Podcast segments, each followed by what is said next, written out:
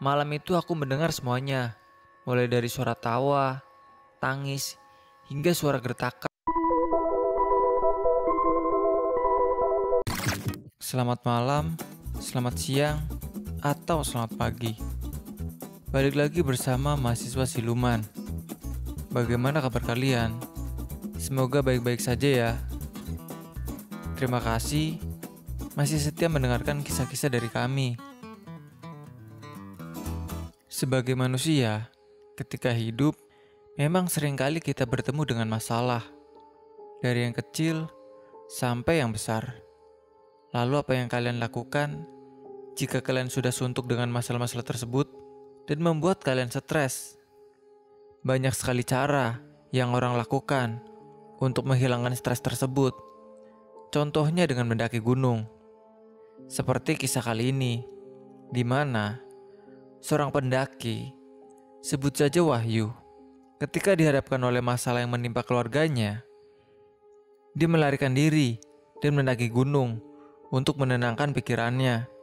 Tapi, dalam kisah kali ini, dia menemui banyak sekali gangguan dari makhluk-makhluk penunggu di sana.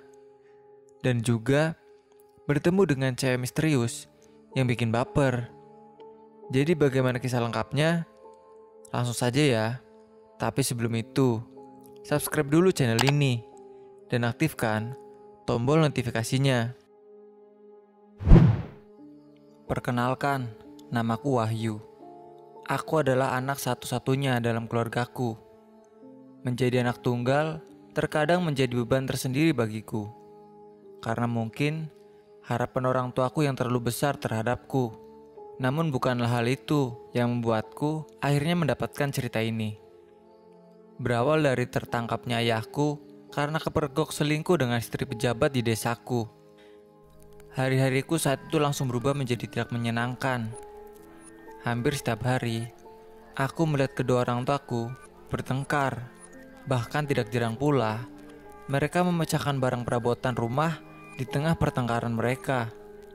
Masih teringat jelas di kepalaku, waktu itu adalah pertama dalam kehidupanku mengalami trauma yang sangat berlebihan. Saat itu, aku mengikuti perkumpulan yang diadakan oleh warga desaku. Dan seperti biasanya, saat itu, semua pemuda berkumpul menjadi satu di dalam acara tersebut. Dan waktu itu entah siapa yang memulai. Yang jelas, dalam pertemuan itu, aku merasa dipojokkan oleh teman-temanku. Karena keluargaku dianggap memalukan nama desa. Karena kasus ayahku yang saat itu memang sempat menghebohkan. Hingga beritanya menyebar ke mana-mana. Saat itu tentu saja, aku langsung tertekan minder, dan langsung keluar dari acara tersebut. Tanpa pikir panjang, aku pun langsung kembali pulang dan memutuskan untuk tidak lagi mengikuti acara yang diadakan oleh warga. Sesampainya di rumah, lagi-lagi aku melihat orang tuaku yang sedang bertengkar. Tapi kali ini, pertengkaran mereka lebih parah dari biasanya.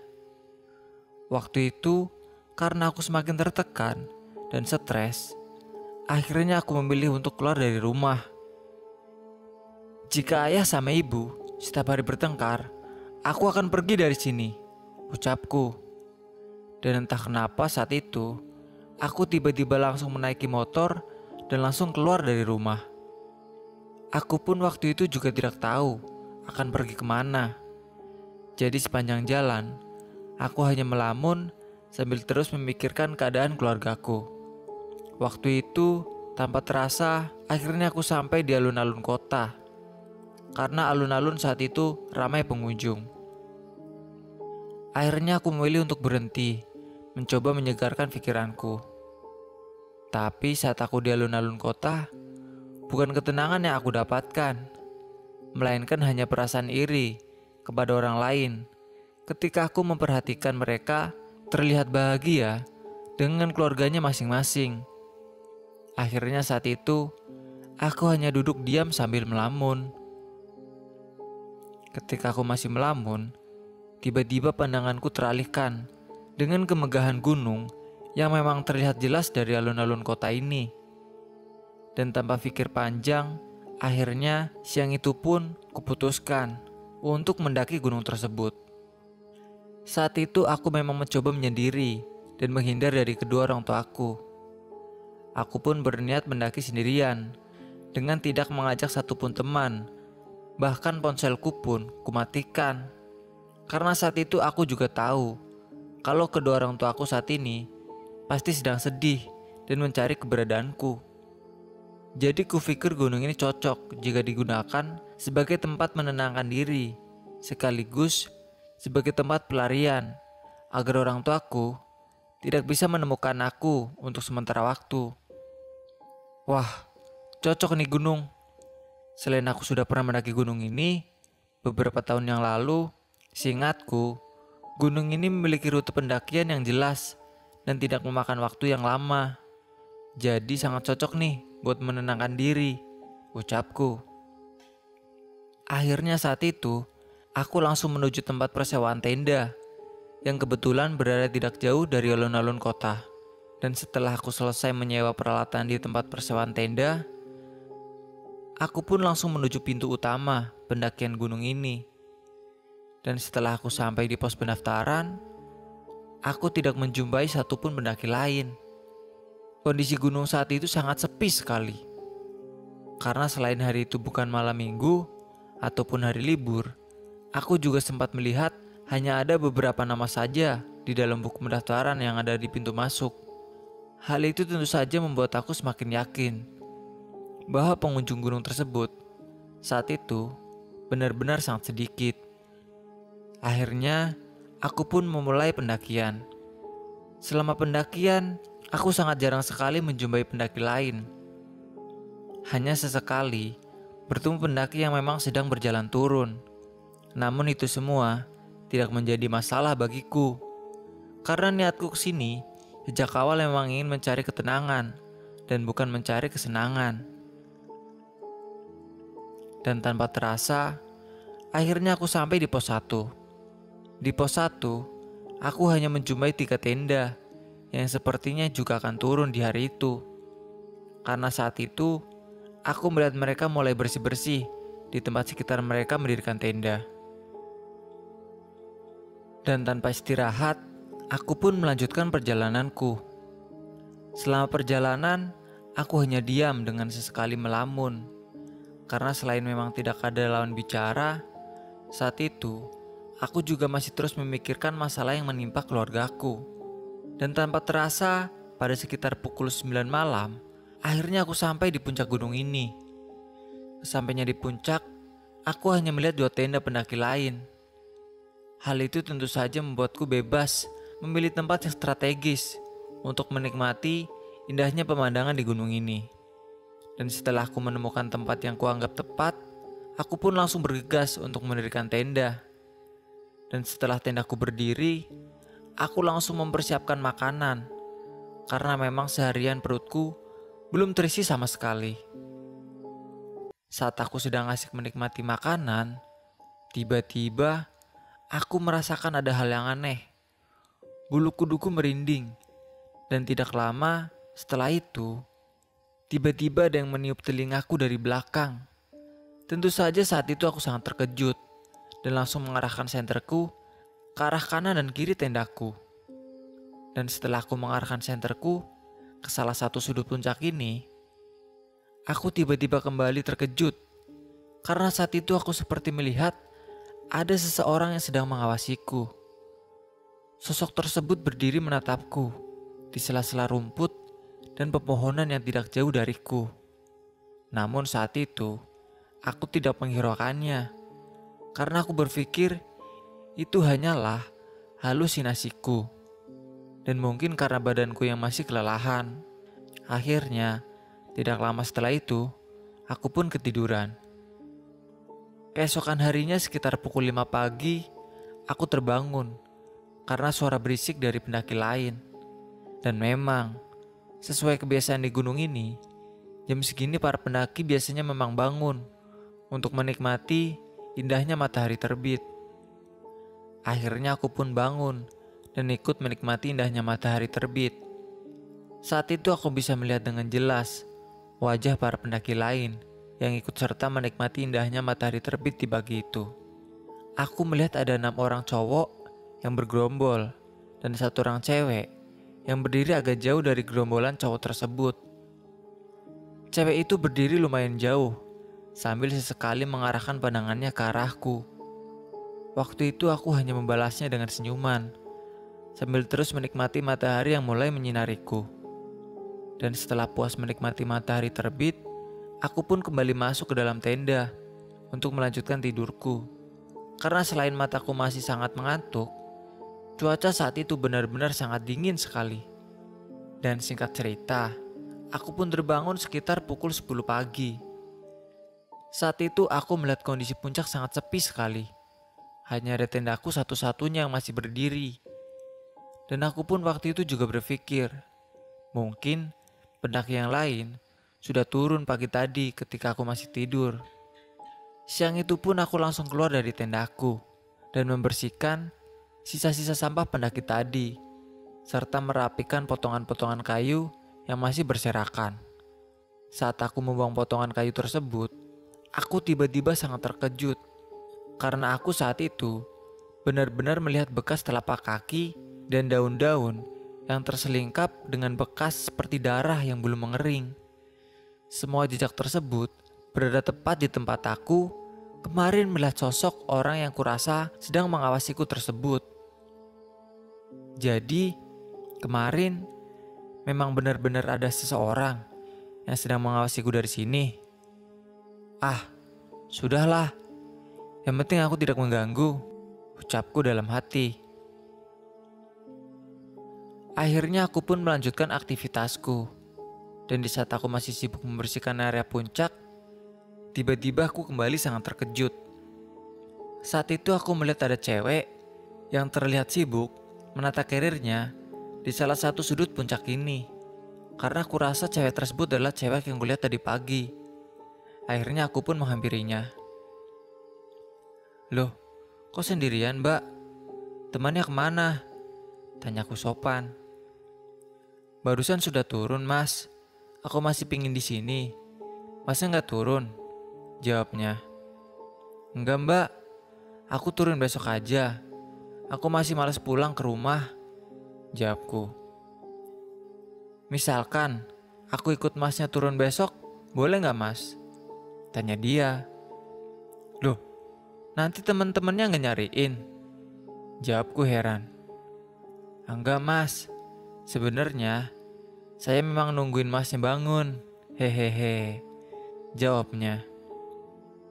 Sebenarnya tadi aku sama rombonganku juga mau turun besok mas.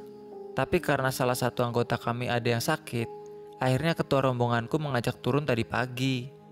Karena aku nggak mau turun, akhirnya aku disuruh nunggu masnya bangun. Suruh nanya, boleh gabung apa enggak? Hehe, terangnya. Wah, nekat ya. Misalkan tadi aku juga mau turun hari ini, gimana mbak? Tanyaku.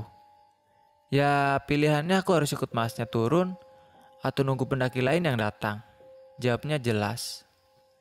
Saat itu aku berpikir, kalau wanita ini benar-benar nekat, tanpa memikirkan kemungkinan apa saja yang mungkin terjadi kepadanya.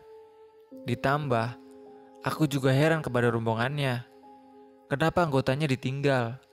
Padahal kan dia wanita ucapku dalam hati. Karena saat itu aku tidak ada pilihan lain, akhirnya aku pun tidak bisa menolak permintaan wanita tersebut. Oh gitu, ya udahlah mbak, kita turun besok pagi ya. Mbaknya namanya siapa? Uh, rumahnya di mana? Ucapku. Saya Putri mas. Rumahku di desa bawah. Itu kelihatan dari sini, jawabnya. Oh alah, deket berarti. Pantesan nekat banget. Aku punya banyak temen loh di desamu, sahutku. Siang itu akhirnya kami langsung berkenalan dan ngobrol ke sana kemari. Saat itu semua masalahku juga kuceritakan kepadanya. Dan dia menanggapinya, serta mau mendengarkan curhatanku dengan baik. Hal itulah yang membuat aku sedikit lega dan merasa lebih baik dari sebelumnya. Dan tanpa terasa, akhirnya malam pun tiba. Malam itu ada beberapa pendaki lain yang datang dan langsung mendirikan tenda yang lumayan jauh dari tendaku. Aku pun saat itu tidak menghiraukannya, karena itu memang sudah kuanggap menjadi hal yang biasa di tempat ini. Malam itu, cuaca sudah tidak seperti kemarin. Sekarang lebih banyak kabut, dan sudah mulai turun hujan. Kami pun saat itu hanya duduk di dalam tenda, dan sesekali bercerita tentang pengalaman-pengalaman kami masing-masing. Dan sekitar pukul 9 malam, karena cuaca sangat dingin sekali, saat itu kami pun memutuskan untuk beristirahat lebih awal, agar badan kami tidak kedinginan. Dan setelah beberapa lama kemudian, tiba-tiba, tanpa sengaja, aku mendengar suara orang yang sedang menangis. Aku pun langsung kaget dan mencoba memberitahu Putri tapi karena saat itu aku melihat putri yang sudah tertidur lelap, akhirnya aku pun mencoba mendengarkannya sendirian. Suara tersebut terdengar lirih di tengah-tengah suara rintikan hujan yang sedang turun. Karena aku rasa suara tersebut tidak jauh dariku, aku pun berniat mencari sumber suara tersebut. Saat kuarahkan senter ke salah satu sudut gunung ini, aku sangat terkejut karena saat itu aku melihat sosok nenek-nenek yang sedang duduk tidak jauh dari tendaku. Nenek tersebut duduk kehujanan, sambil seperti membawa sesuatu di tangannya. Karena penasaran, akhirnya aku pun mencoba mendekatinya. Ketika aku keluar dari tenda dan berjalan ke arah nenek tersebut, tiba-tiba putri menarikku, seolah mengingatkanku bahwa tindakanku adalah tindakan yang berbahaya. Jangan dihiraukan, Mas. Mereka sengaja mau mengganggumu karena pikiranmu saat ini sedang kacau. Terang putri tiba-tiba. Saat itu, tentu saja, aku sangat terkejut dengan penuturan putri. Dari mana dia bisa tahu kalau aku mau menghampiri nenek tersebut? Apa mungkin dia dari tadi juga mendengar apa yang kudengar ya? Atau apa memang dia indigo? Atau memang dia orang lokal jadi sudah terbiasa dengan semua ini? Pikirku kebingungan. Tentu saja saat itu, aku menuruti putri dengan langsung berjalan kembali ke tenda. Sambil sesekali menoleh ke arah nenek-nenek tersebut.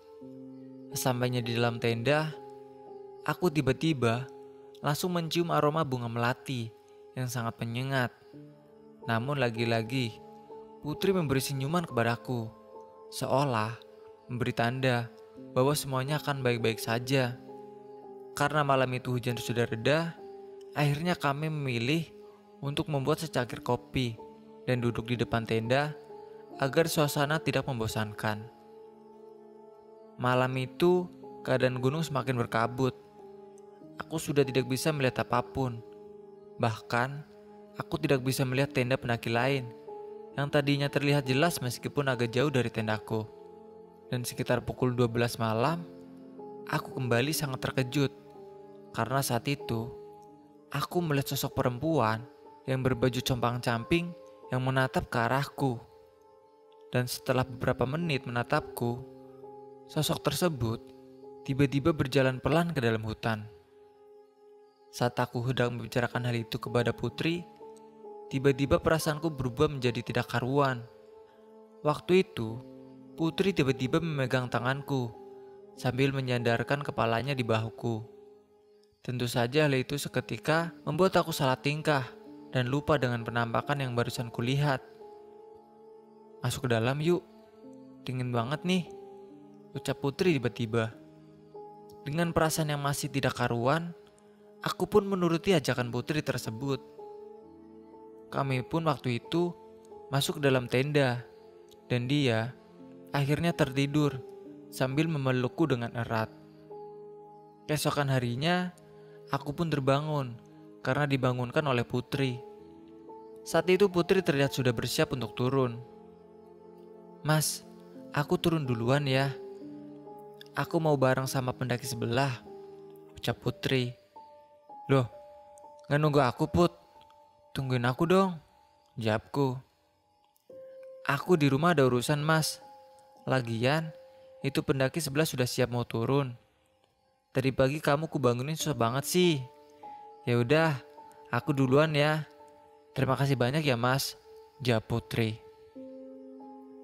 Saat itu aku hanya mengangguk, karena waktu itu aku juga melihat pendaki lain sudah siap untuk turun. Sedangkan aku belum bersiap-siap sama sekali. Bahkan tendaku pun belum kubongkar. Akhirnya, aku dan Putri pun berpisah. Saat itu, karena aku masih mengantuk, akhirnya aku melanjutkan tidurku. Dan sekitar pukul satu siang, Aku pun bangun dan langsung menyalakan kompor untuk membuat mie instan sebelum melakukan perjalanan turun. Di sela-sela aku membuat mie instan, tiba-tiba hujan turun dengan sangat lebat. Tentu saja, hal itu membuat aku khawatir karena sebentar lagi aku akan turun dari gunung ini. Dan setelah menunggu lama, hujan tersebut tidak kunjung reda karena persediaan makanan sudah hampir habis, ditambah tenda juga harus dikembalikan. Akhirnya saat itu, kuputuskan untuk tetap turun, meski kondisi cuaca sangat tidak memungkinkan. Selama perjalanan turun, aku tidak menjumpai satupun pendaki lain. Waktu itu aku berjalan sangat pelan sekali, karena selain jalannya yang licin, saat itu pandanganku juga sangat terbatas. Dan setelah beberapa lama berjalan, Aku merasakan badanku sudah gemetar kedinginan. Jari-jariku sudah mati rasa, dan kakiku seperti sudah tidak bisa digerakkan lagi. Karena sudah tidak kuat berjalan lagi, akhirnya aku memutuskan untuk kembali mendirikan tenda sambil menunggu hujan sedikit reda. Saat itu kekhawatiranku semakin menjadi-jadi. Ditambah, ponselku mendadak tidak bisa dinyalakan karena basah hujanan namun aku mencoba menenangkan diri sambil terus memanjatkan doa. Dan setelah beberapa lama kemudian, karena hujan tak kunjung reda dan waktu sudah sore, aku pun berniat untuk melanjutkan perjalanan. Kalau aku telat mengembalikan tenda, aku bisa kena denda nih, pikirku. Akhirnya waktu itu aku melanjutkan perjalanan dengan sesekali beristirahat karena badan sudah terasa sangat berat. Dan mungkin karena aku sudah kelelahan. Jadi, tidak bisa berkonsentrasi lagi. Saat itu aku mulai merasa aneh. Ketika jalan yang kulewati ini semakin lama semakin sempit. Dan setelah beberapa lama, aku pun tersadar kalau aku keluar jalur. Saat aku menyadarinya, aku pun sangat kaget dan langsung merasa kebingungan. Dan di sela-sela aku kebingungan, tiba-tiba aku mendengar suara wanita yang sedang tertawa cekikikan. Tentu saja waktu itu aku langsung berlari ketakutan sambil berteriak minta tolong. Semakin aku berlari, suara tawa wanita tersebut semakin terdengar keras. Hal itulah yang membuatku tidak berhenti berlari untuk menyelamatkan diri. Dan setelah beberapa lama kemudian, aku benar-benar tersadar kalau saat itu aku tersesat. Hujan yang tidak berhenti turun dan kabut yang semakin tebal membuatku saat itu seolah-olah sudah tidak bisa berbuat apa-apa. Karena tenagaku yang sudah habis dan badanku sangat kedinginan, akhirnya kuputuskan untuk mendirikan tenda dan kembali melanjutkan perjalanan esok hari. Malam pun tiba.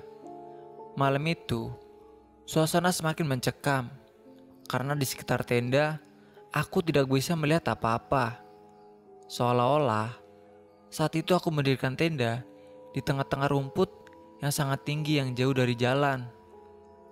Waktu itu aku sering sekali mendengar suara mendesis hingga suara seperti suara harimau yang seolah sedang mengitari tendaku. Namun semua itu Kubiarkan saja. Aku hanya memilih diam sambil terus berdoa di dalam tenda. Di tengah malam, ada seseorang yang berdiri di depan tendaku. Karena saat itu, aku berpikir itu adalah bantuan. Akhirnya aku pun membuka pintu tendaku. Ketika aku membuka tenda, aku sangat terkejut. Karena saat itu, aku melihat ada sosok hitam tinggi besar berdiri tepat di depan tendaku. Aku tidak bisa memastikan sosok apakah itu. Yang jelas, saat itu dia memiliki rambut yang sangat panjang, giginya seperti gigi babi hutan. Tentu saja, saat itu aku langsung berteriak ketakutan dan langsung menutup kembali tendaku. Dan setelah beberapa lama kemudian, lagi-lagi aku mendengar suara seperti orang sedang ngobrol. Dan setelah kuintip dari sela-sela tenda, aku sangat terkejut. Karena saat itu, aku melihat ada sepasang pendaki yang sedang duduk. Dan tanpa pikir panjang, aku pun saat itu langsung keluar dari tenda untuk meminta bantuan. Mas, tolong mas. Mas, tolong. Teriakku. Aku pun berjalan cepat ke arahnya sambil terus mengarahkan senterku kepadanya. Sesampainya di depan mereka berdua, aku sangat terkejut karena saat itu aku melihat wajah dua pendaki tersebut sangatlah menyeramkan. Satu pemuda tersebut berwajah putih pucat dengan mata yang hitam seluruhnya, ditambah bibirnya yang sobek seperti mayat yang telah membusuk. Yang satu lagi berwajah lebih menyeramkan karena saat itu aku melihat mata, pipi dan hidung pendaki tersebut seolah-olah meleleh ke bawah. Mereka berdua memakai baju yang sudah robek-robek, ditambah bau mereka sudah tidak sedap seperti bau bangkai. Tentu saja waktu itu aku langsung berlari kembali ke dalam tenda sambil berteriak ketakutan. Karena aku merasa sudah tidak aman lagi, akhirnya kuputuskan untuk tidak lagi membuka tenda, meskipun apa pun yang terjadi. Waktu itu aku langsung memejamkan mata sambil terus berdoa. Malam itu aku mendengar semuanya, mulai dari suara tawa, tangis, hingga suara gertakan. Bahkan, saat itu tendaku juga dilempari kayu hingga bangkai hewan. Namun aku mencoba bertahan sambil terus menutup mata dan telingaku. Dan akhirnya aku pun berhasil bertahan hingga pagi hari. Pagi harinya, aku langsung melanjutkan perjalanan. Saat itu, keadaan sekitarku sudah mulai terlihat karena sudah tidak adanya kabut. Namun, aku tetap tidak menemukan jalan karena rumput yang terlalu tinggi. Dan setelah beberapa jam berjalan, tiba-tiba aku mendengar suara wanita yang memanggilku. Dan saat itu aku sangat yakin kalau suara tersebut adalah suara putri. Tentu saja saat itu aku langsung lega dan berlari ke arah sumber suara tersebut. Put, Put, aku di sini Put, teriakku. Dan setelah beberapa lama kemudian, aku tidak kunjung menemukan putri. Tapi saat itu, tiba-tiba aku menemukan jalan setapak yang kuduga itu adalah jalan turun. Dan setelah berjalan menyusuri jalan tersebut, akhirnya aku sangat lega. Karena saat itu, aku tiba sampai di pinggiran desa. Dan tidak beberapa lama, aku berjalan di desa tersebut. Tiba-tiba aku bertemu ayah dan ibuku yang tampak gelisah di teras rumah salah satu warga di desa ini. Tentu saja saat itu aku langsung disambut dengan isak tangis kedua orang tuaku. Dan akhir cerita, aku pun langsung dibawa kembali ke rumah oleh orang tuaku. Selain sangat bahagia, aku pun saat itu juga masih kebingungan. Dari mana ayahku tahu kalau aku saat itu pergi mendaki gunung? Dan bagaimana juga ayah bisa tahu kalau aku turun di desa itu? Yang ternyata desa itu berada di sisi lain gunung yang aku daki tersebut.